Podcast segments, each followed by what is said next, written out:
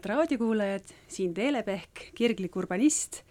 Ja alustame igakuist saadet, meie igapäevane avalik ruum, aga seekord inglise keeles. Hello everyone, this is Pehk, uh, passionate urbanist from Tallinn and democracy agent as well um,. And we start with the monthly radio show called Our Everyday Public Space which is usually in Estonian, but because I have a very special guest today, uh, it will be in English. So I'm welcoming uh, Marilyn Hamilton. Hello. Hi, I'm just delighted to be here. And welcome to Tallinn. It's your first time. My first time. I'm so glad that we have long summer light. I can see lots of it. yeah. So a bit about about your background. You have uh, for years promoted um, integral city concept, uh, city as a um, uh, living organism and as a, um, comparing it to beehive, that the city is for human hives, and, and uh, taking a lot of inspiration from, from integral theory as well. Can you a bit elaborate? Because uh, I think um, integral theory might be known to some of our listeners, but the connection with cities Probably not. So, can you elaborate what do you mean by integral city? Sure. I, I use sort of three frames to actually. Oh, sorry, a small interruption. And we continue in a second.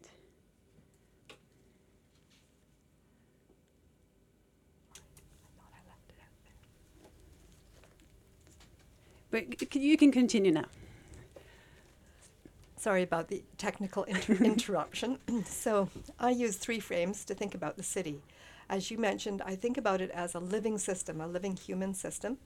And um, so that means that it's adaptive and it has all of the capacities of any kind of a living system. And it's particularly a human system at the scale of a city, just like I can think of human systems related to individuals or organizations or communities. And in this case, the city is, a, is another scale entirely. It includes all of those smaller scales, but it has its own particular scale.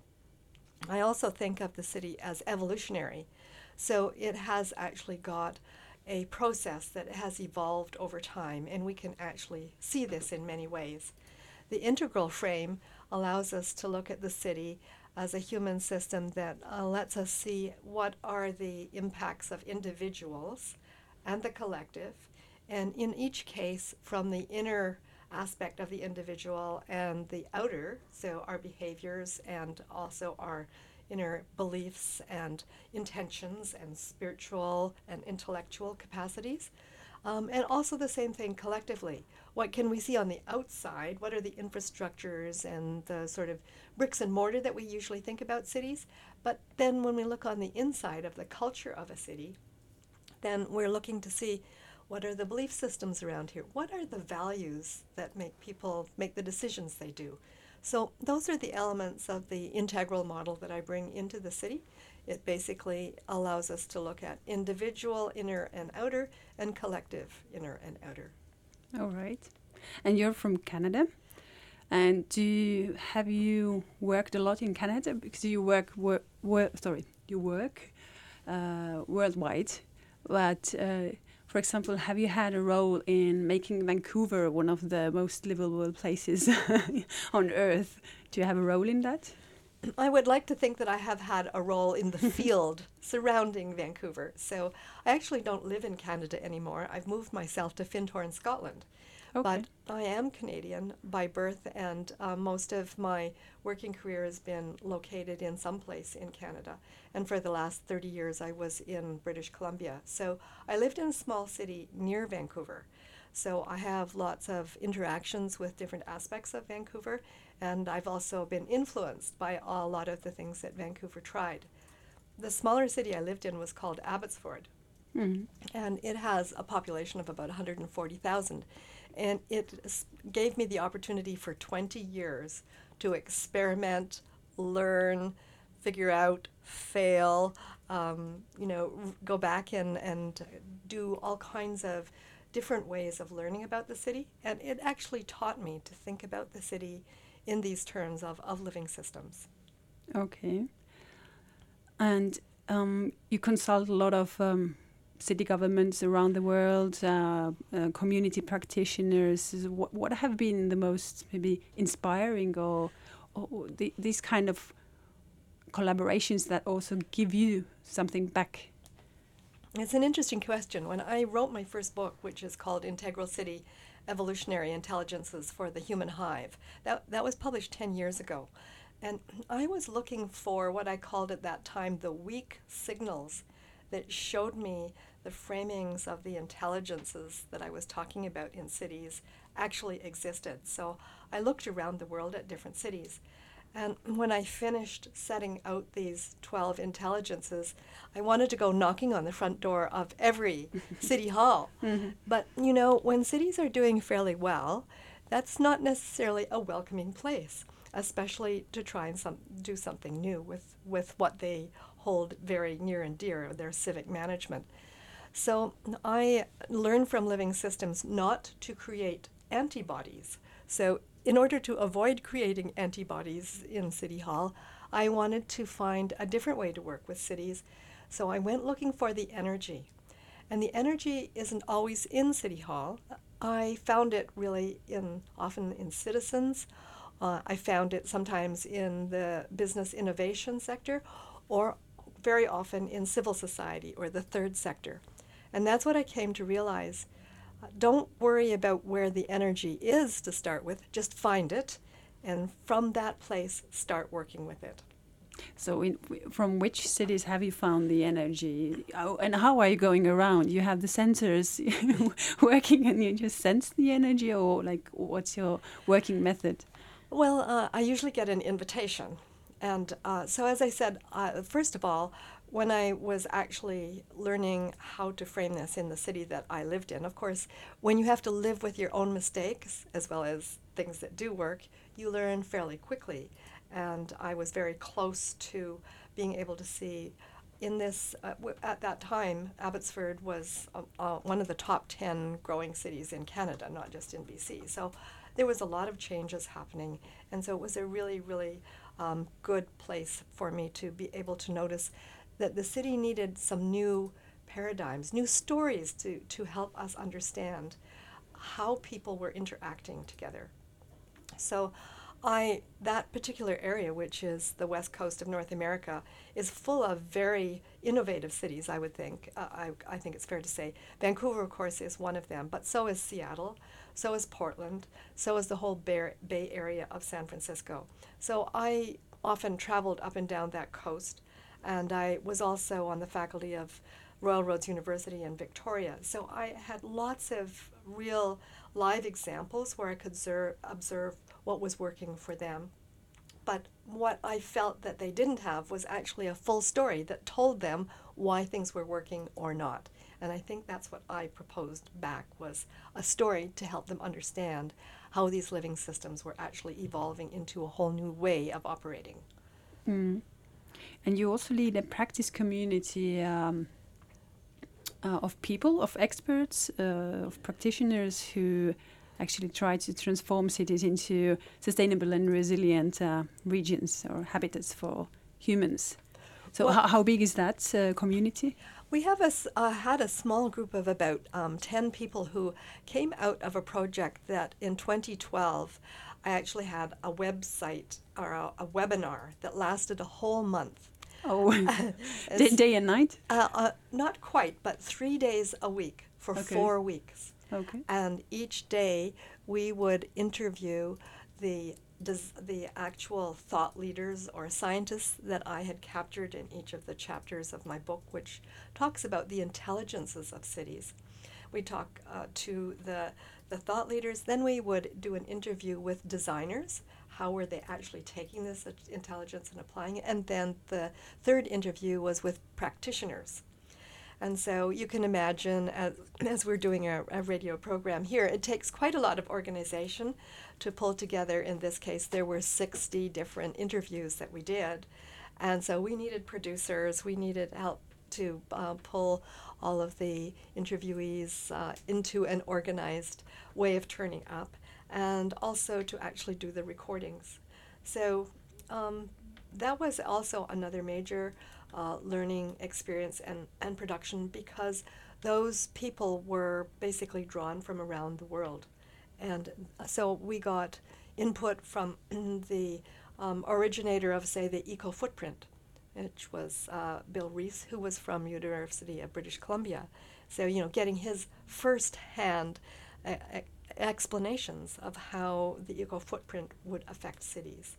Um, we got to speak to uh, Buzz Holling, you know, who's the one of the originators of um, panarchy that thinks about the complexity of cities. But we also spoke to people like Jean Houston, who's one of the world authorities on the cultures and what makes them really sing and, and differentiates one place to another. So um, we added to the cultural uh, interviews also those people who had interests and expertise in consciousness arising. So in those ways, in those ways, we ha- were able to bring a very different conversation about the city. And as a result, after the, the month of our webinars, we had a team that really didn't want to disband. uh, so we've kept together all these years, and now what has happened, we've moved into a whole new phase where there's been, I would say, a quickening in Northern Europe in particular. Mm. That's why I'm here um, now, today in Tallinn. And, and so many people now are taking the narrative and the field work that we've been doing in the last 10 years and applying it in their cities. Can you bring out some of the Nordic countries? Yes. So in the just in the last couple of months, I've been exploring the Baltic. Okay. so uh, three weeks ago, I was in Finland. And uh, in Finland, they've had an initiative called Six Aika, A I K A, where their six largest cities have had a collaborated with their universities and their innovation ecosystems in each city, and also compared notes between cities. Mm. So it's a really unusual experiment that they've tried, and they set out to do it as an experiment uh, related to smart cities and agile cities, and even somewhat resilient cities. And many people may be familiar with those terms. And I say that out beyond the smart city and out beyond the resilient city lies the integral city. and there is a field. If anybody knows the poet Rumi, I will say, and we would meet you there. And the invitation came from Finland because um, one of the people from Tampere um, had actually, Taina Ketola, invited me to come because she said, We've spent these years investing in the smart city, but we need something more.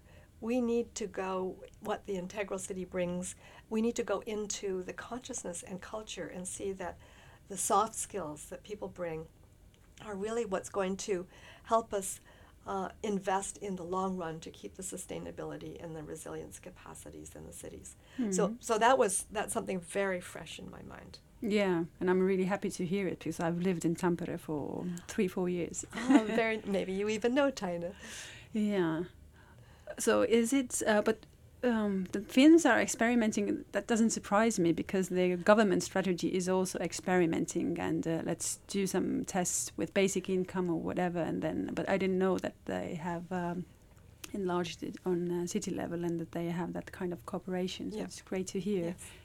But you're here actually for the eco villages, the global network of eco villages. Yes, the global eco village network. Exactly. the European conference. Yeah, yes. again Europe. So the conference is being held in Lilleoru, the our one of the few eco villages, uh, and you're there to get some inspiration and also inspire others, of course. Yes, uh, uh, it's sort of a two-way street. In actual fact, as I mentioned, I now live in Findhorn in Scotland, and Findhorn is the UK's oldest eco village. It's been 55 years plus Hmm. now. And it's learned a great deal about how to start from scratch in literally the dunes, which was like a desert type of geology, and uh, geography as well. And they've had to bring in um, both the capacities of people to change that desert into what is really virtually an oasis now. It's, it, it's really known for the quality of um, the food that it can grow to feed eco village and the people who originally tapped into um, some very unusual practices that allowed them to create the food that didn't exist there before. Um, they've gone on, and so now they have not only got their own eco village, but they've been influencing a whole movement around the world of eco villages, and the headquarters for the Global Eco Village Network is also in Findhorn. But they have a annual or biannual conference, Mhm. and the one for Europe this year is in Lilleoru, and there is an eco village. I'm I haven't been there yet. You've managed to side bring me here first, so that'll be my next stop tonight. Um, and I'm interested to meet a lot of other eco villages because one of the things they've told me they're intrigued with around relating to Integral City is what would it look like if there was an urban eco village? If we took existing cities and maybe a whole new area could be created that's an eco village and based on eco village principles. I'm very interested in that because many people have remarked that the principles I use for Integral City relate to permaculture. Hmm. So they there's a recognition of, of the similarity of the principles. And Mm. so many eco villages are actually practicing permaculture. And so I thought this would be a quick way for me to meet many eco villagers and see if we can explore this possibility. hmm Yeah, because in Estonia we still consider eco villages as the um, rural, rural. They're outside the city, and the people gather there with similar lifestyle or values, and then they start to raising the community. But then again, we've had neighborhood associations here in Tallinn that actually um, apply the same principles of eco villages or, or Yes. transition towns as well. Mhm. So Right. so we've had that movement, but it's um, a bit a bit more silent now than um, like ten years ago.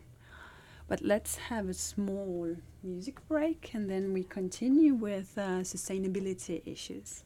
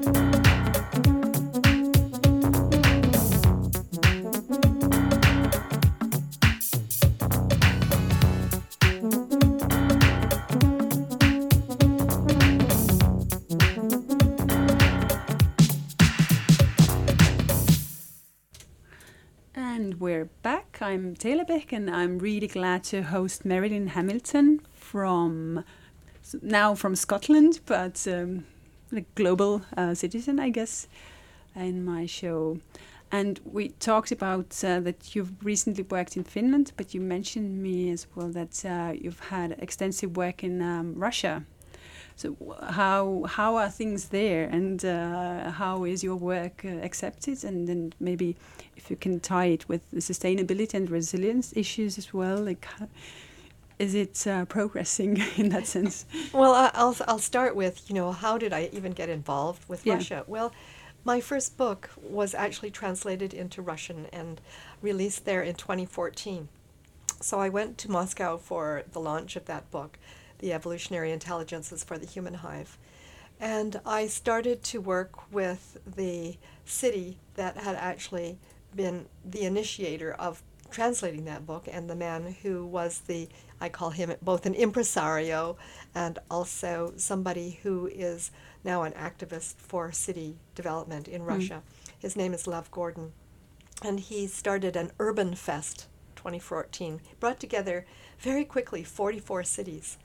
And uh, so I went and actually participated in almost a week long uh, of these cities coming together and learned that what they really liked about the framework that I presented, this part of the living systems I've learned from the honeybees. So you mentioned that I think about cities as human hives. And one of the things that the honeybees have taught me is that there's really four voices in the city. That's what I call them for the human system. And so the voices come from the citizens, they come from civic managers. So those are not only the people in City Hall, but education, healthcare, um, emergency response, mm. police, fire, and then the business innovators, and then the fourth voice is civil society, or the third sector, as that's often referred to in, in Europe. And so what they realized was they didn't have to wait for the top down approach that has been sort of historically in Russia, the way things got started or were required to be done this approach really is where I find the energy. I wait, uh, or uh, invitation comes, can come from any one of those voices. And so in this case, it was a combination of Lev representing a business innovation voice and also a group of citizens that said, we want to actually take the responsibility and initiative to make changes to Izhevsk and to the other 44 cities who very actively participated. Mm. So if we fast forward from 2014, 15, 16, they had more uh, urban conferences, but then they started to develop for them a way of translating integral city in Russian translates much better into living cities. Hmm. So they've created a living cities charter and a living cities association. Hmm. And in November of 2017, just last year, I was invited to go to Skolkovo, which is like their major business in university, where they had been working for two years on a national plan to change cities, and they had really targeted their mono cities. And in Russia, there's 311 or more of these cities that out of the Soviet Soviet area era had actually been um, targeted to be sort of one purpose cities and um, they no longer can support those as single economies and they need the diversity to actually make them come alive. So they've actually chosen to take teams of about five or six people from those cities, and over a two year period, they bring them into Skolkovo and actually teach them how to do some basic uh, changes in the city, learn leadership skills, learn mm. team working skills, learn how to actually um, make a proposal to change some aspect of the city. And with your interest in public spaces, I think you would be really inspired to see how many of those initiatives did involve public space. Mm. And so what happened was they started to build credibility with all the other voices in their cities. Um, and their mayors also went through a whole training leadership development program as well. I went to the, their invitation was for me to come in and speak to about 40 of the teams who were just finishing their program on their last day. And I thought, well, I don't know if they're going to be really ready for something on their last day. They probably would rather go have a party. But they were so attentive that they asked me to come back a week later and speak to their mayors. Oh. So they had brought in at the end of this initiative the 311 mayors Mm-hmm. and this fantastic facility at Skolkovo. And so uh, I came back and I did speak to the mayors and I was just as interested to see what they had done because at this presentation I was shown the types of challenges that these cities faced. And this, this little area of Tallinn, where we are now, where you've told me that there used to be old factories and there was not a, it was run down and there wasn't a life here before this complete re- new initiative.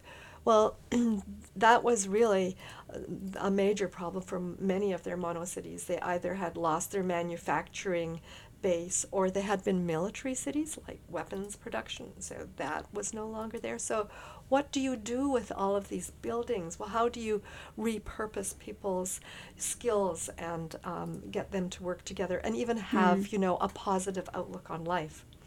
So I could see they had just done a really wonderful job and that they responded so well to the story. I had to tell them around the four voices and that it wasn't accidental how they had actually been able to make these changes and go on and continue to um, influence change within each city and then give each other the strength between cities to say, see, look what we've done. And the teams were working together. So it's actually not a story that you usually hear at all outside of Russia, Mm. um, but it's very active. And I even saw them again two weeks ago in Amsterdam. So you've uh, networked them well, and I, I definitely have to look it up and maybe visit them as well. Yeah, I, th- I think you would be surprised, and I'd be very happy to make introductions. Yeah, they Cool, came, they came to tour um, actually the Netherlands and Mm. see what have you done with your cities, uh, like like um, the city of Eindhoven, Mhm. which used to be Philips headquarters before Philips, the great global manufacturer of we mostly think of light bulbs. Mhm. Um, they totally changed their entire intention and purpose for the company. So they actually, their headquarters, Eindhoven, had to be completely redesigned. And they've done a wonderful job of moving it from a manufacturing city into the design city. So they were interested to see what does that look like. And they came then to Amsterdam to the We Make the City festival. So that's where we Mhm. were all together last week. Great, great. So, what kind of advice would you give to a city like Tallinn, which is quite small in European scale, only uh, 430,000 inhabitants, and quite, well, spatially quite large and spread, and a lot of sprawl has happened over um, last 10 years, uh, where the, we have the energy, we have the voices uh, represented, but the voices are they have different um, strengths, let's say so. Uh, energy level is also very different. We have, uh, I would say, critical mass of um, urban specialists and activists who really know what's happening everywhere else, and and then also a bit suffer from the consequences of what the city government then does, like the car-oriented planning or that the seaside is not being appreciated. Of course, it also lies on the privatization and the like the decisions being made uh, when we regained independence. Uh, but still, the role of the local government is quite weak in that sense of uh, protecting the public interest, like uh, good access to the seaside or universal design or uh, um, greeneries everywhere and, and things like that. And then the, the community development, like um, enabling it. So we it's we have some bits and pieces, but it's too chaotic. It's not integrated. It's not the whole at all. So what kind of? Uh, I know you're here just for two or three hours now for the first time, but um, um, how would you start in that kind of um, place? Well, it's actually what you're describing is not an unusual circumstance in Yeah, many cities Mm. these days. So I would go back to my four voices, and I believe a lot in dialogue. So um, I think that you can actually make a difference by convening some purposive dialogues and actually bringing thought leaders together around um, some themes. So I this is something that I did in Abbotsford. I worked with also a city in Oklahoma in United States mm-hmm. over it took three or four years in both cases where by convening dialogues around sort of paired themes like the economy and the community and then maybe education and um, culture and then maybe health and the environment if you thought about convening thought leaders to start with and then taking what they agreed or reported on to the public and then to the policymakers, this kind of a cycle starts to bring together people's recognition that we have a lot of good ideas here, but maybe we haven't found a vision or a purpose that really holds them together. And, you know, it's easy to say this would work uh, on paper, but to do it actually requires a small group of people whose energy is let's see if we can hold the space for this uh, long enough for it to emerge. And um, I really believe that cities are going to discover that they have purposes that are not just self serving to the city, but will be serving to the ecoregion and to the health of the planet as a whole. That's sort of my frame for sustainability and resilience and why cities matter. Uh, so we are um, one of the things I've learned from the honeybees is well they've been around for 100 million years so they've had a lot more opportunity to figure out how things work for the hive and of course they pollinate their ecoregions mm-hmm. and, and they really are in service to life for the planet I don't think we figured that out yet but I do believe we can do that. We have only been around for 100,000 or a million years. And I believe, though, that we're supposed to be the most intelligent of the vertebrates. And so, as a species, that's uh, a challenge I think we face. How can we be of service to the well being of the earth itself? And first of all, we have to, you know, live the saying of be the change you want to see in the world. So we have to start sort of with self, others, our place, and the planet.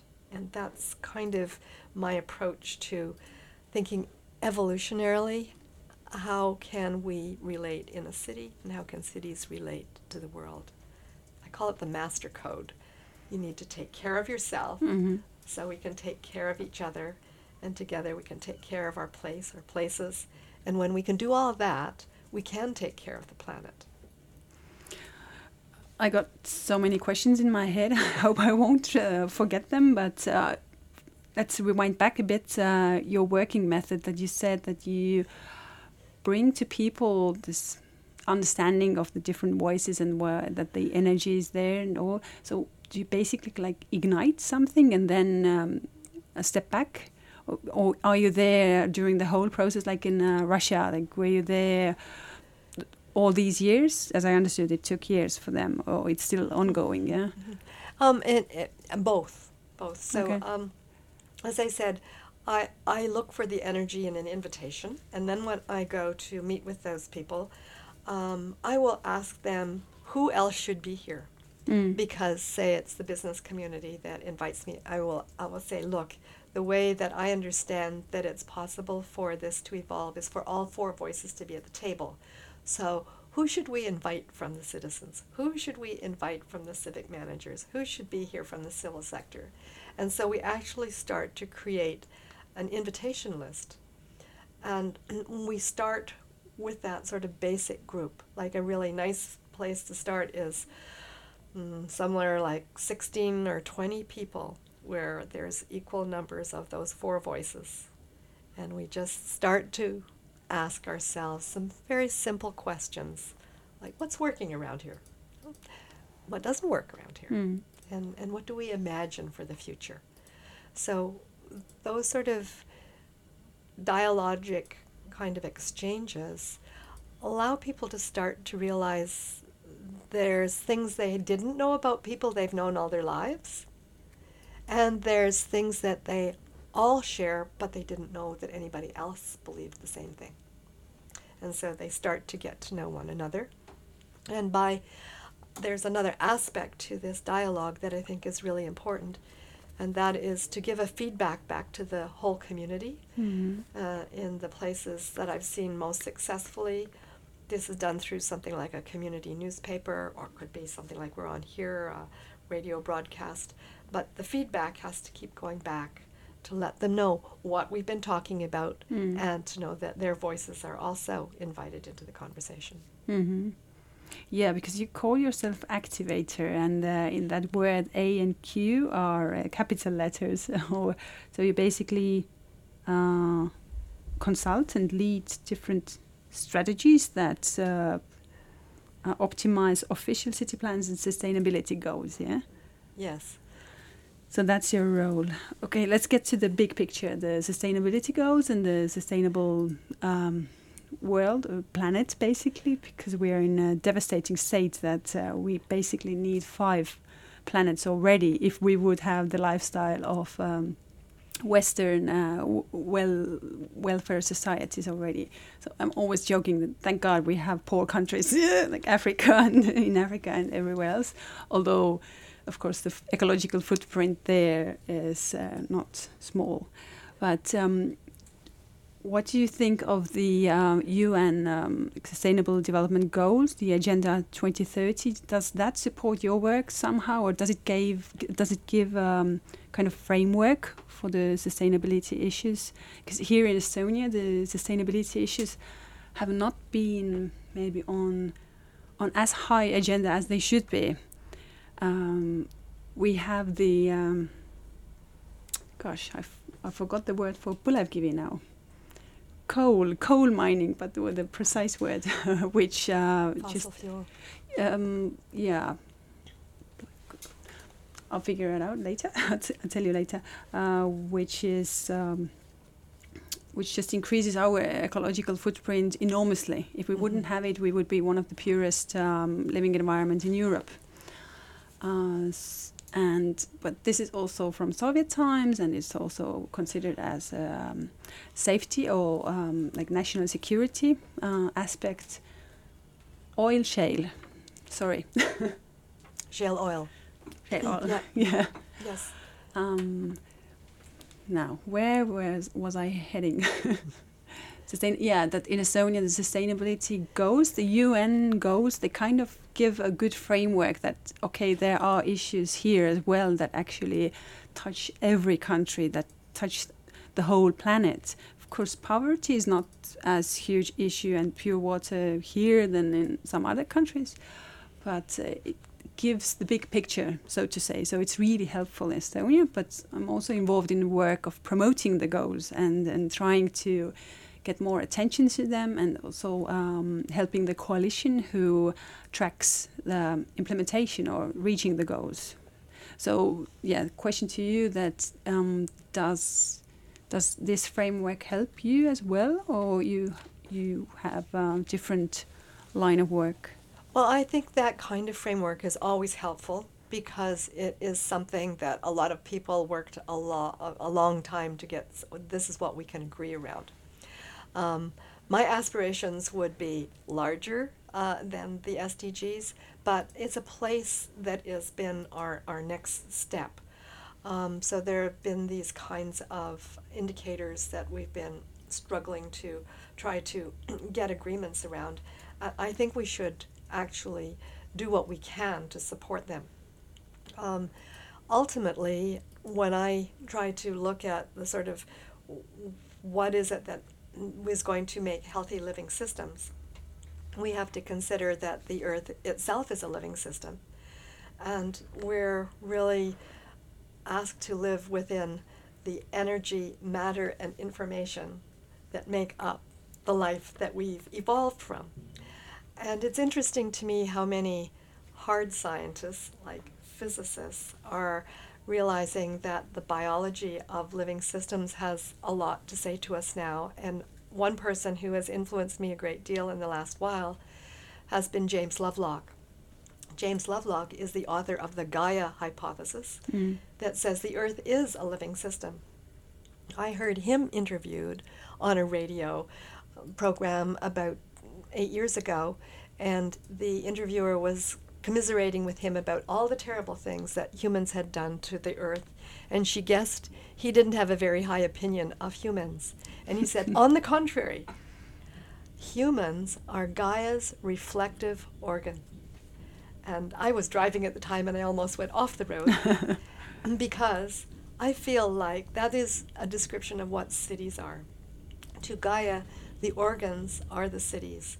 The Mm. organizations are like organelles, and us as individuals are like cells in the organs.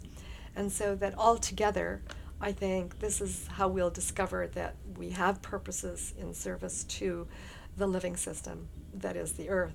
So when we look at the SDGs, the sustainable sustainable development goals, it gives us sort of um, a better case than where we are now. It's not the ultimate commitment that we Yeah. need to make, but if we don't start somewhere, we're not going to get to more re- uh, a deeper understanding of our ecology. As I mentioned, both with um, my work in the Finns, with the Finland, and also with the Russians, what they realize is that in order for those SDGs to actually take any kind of gain any traction, we need consciousness and culture to support them. So individuals need to be able to um, start where they are now and gain a better understanding of how they can be in the world. Um, Your and- voice is disappearing, but we uh, don't have much left. Do you want to grab? Um, yeah, you told about the bees that they've been here for millions of years, and uh, humans uh, uh, more, a lot less. Was it Einstein who said that if bees die out, then humans only have four years left? So, have you heard it? I haven't heard that Einstein quote, and I collect them, but I, I could I wouldn't be too surprised because they actually are responsible for something like ninety billion dollars worth of agricultural product production. Yeah, a lot from our food comes from thanks to bees actually, and that's why it was connected. But um, how do you assess what's um, what's our future if, from sustainability angle, uh, the cities are the biggest polluters, uh, but also the biggest uh, potential places, or they have the biggest opportunities to actually uh, um, do something like innovative or, or um, prevent new Yes. tragedies, uh, then how do you assess what's the future of the urban hive? Well, I'm an optimist. I'm a radical optimist. so so when I heard Love- Radical optimist. This is good. When I heard Lovelock say that Gaia's that, that humans are Gaia's reflective organs, I thought, okay, there's our purpose. I, I was like so inspired that we have have this purpose. So it means that the idea of consciousness is not just some esoteric um, hope or um, theory. It actually comes from a physicist to say it- one of my interpretations of the word reflective organ is one that has consciousness and culture and can appreciate the relationship that we have to the living system of the earth. And as you point out, in the developed world, 90% of us live in cities. Even in the un, the developing world, it's 50% or more now. Hmm. So somewhere between 50 to 90% of humans live in cities. So if we're going to make uh, a impact, this is where we have to do it. I don't think it's accidental that the bees created a hive over 100 million years um, because this is the way that they were able to actually create the goals for the hive. They have sustainability goals Hmm. and they use complexity. Although they don't have UN. no, but they have they have the uh, bee species, and Mm. and and, uh, and apparently they confer with it. They, they're very intelligent. The amount of intelligence that we actually have researched with bees is very extensive. So, being able to tap into this form of biomimicry is also, I think, not only inspiring; it's helpful, So I, I've, I've, they're supposed to be the most developed uh, species of the invertebrates, and we're supposed to be for the, the vertebrates. So, as a radical optimist, I figured that the kind of proximity, the closeness, the very density that we are in cities is going to force us to come to solving the problems that afflict cities and the earth at the moment. That includes everything from the pollution or the misuse of energy or the misuse of water. Um, all of these relate to even what I was talking about earlier with, with food and being able to um, come to agreements about how we live together. The whole governance system of the world, in my opinion, is going to happen in cities, not at the other scales of nations or even globally. I think cities are the ones who are showing that they are willing to take action and actually are the ones that have committed to things like SDGs. Yeah, I see that trend that uh, cities are, are realizing that and governance is changing and that they have the like leading role also in the open government partnership um, like community, worldwide community, because they are spreading to local level and they see the potential there. So it's okay radical optimist. Can I copy that? Can Absolutely. I call myself that as well? we need a whole tribe of radical optimists. Cool, thank you. Count me in, please. Okay, you're on. All right, I think we've finished, and we have we'll play some music uh, for as a rest. But um, I'm really glad to continue my conversation with you uh, because we will have a dinner now. Uh, and I'm really, really glad that you came to Tallinn and uh, really honored to speak to you here. And I hope you have a very enlightening conference of eco villages at Lilleoru and you get what you are looking for from there. And also, I heard that you will spend more days in Tallinn or in Estonia in general. Yes, great. At the beginning of next week, yes. So you get to smell our mm-hmm. town. It's not a city. I would call it more town as well. And then maybe after your trip, you um, you can share your um, emotions or, or impressions. Impressions, yeah. I would love to. Yes, I'll, i may even blog about it. Oh, cool. Mm-hmm. Even better. so thank you, Marilyn. It, it's been my pleasure, really. Thank you. And have a great summer. I am so far.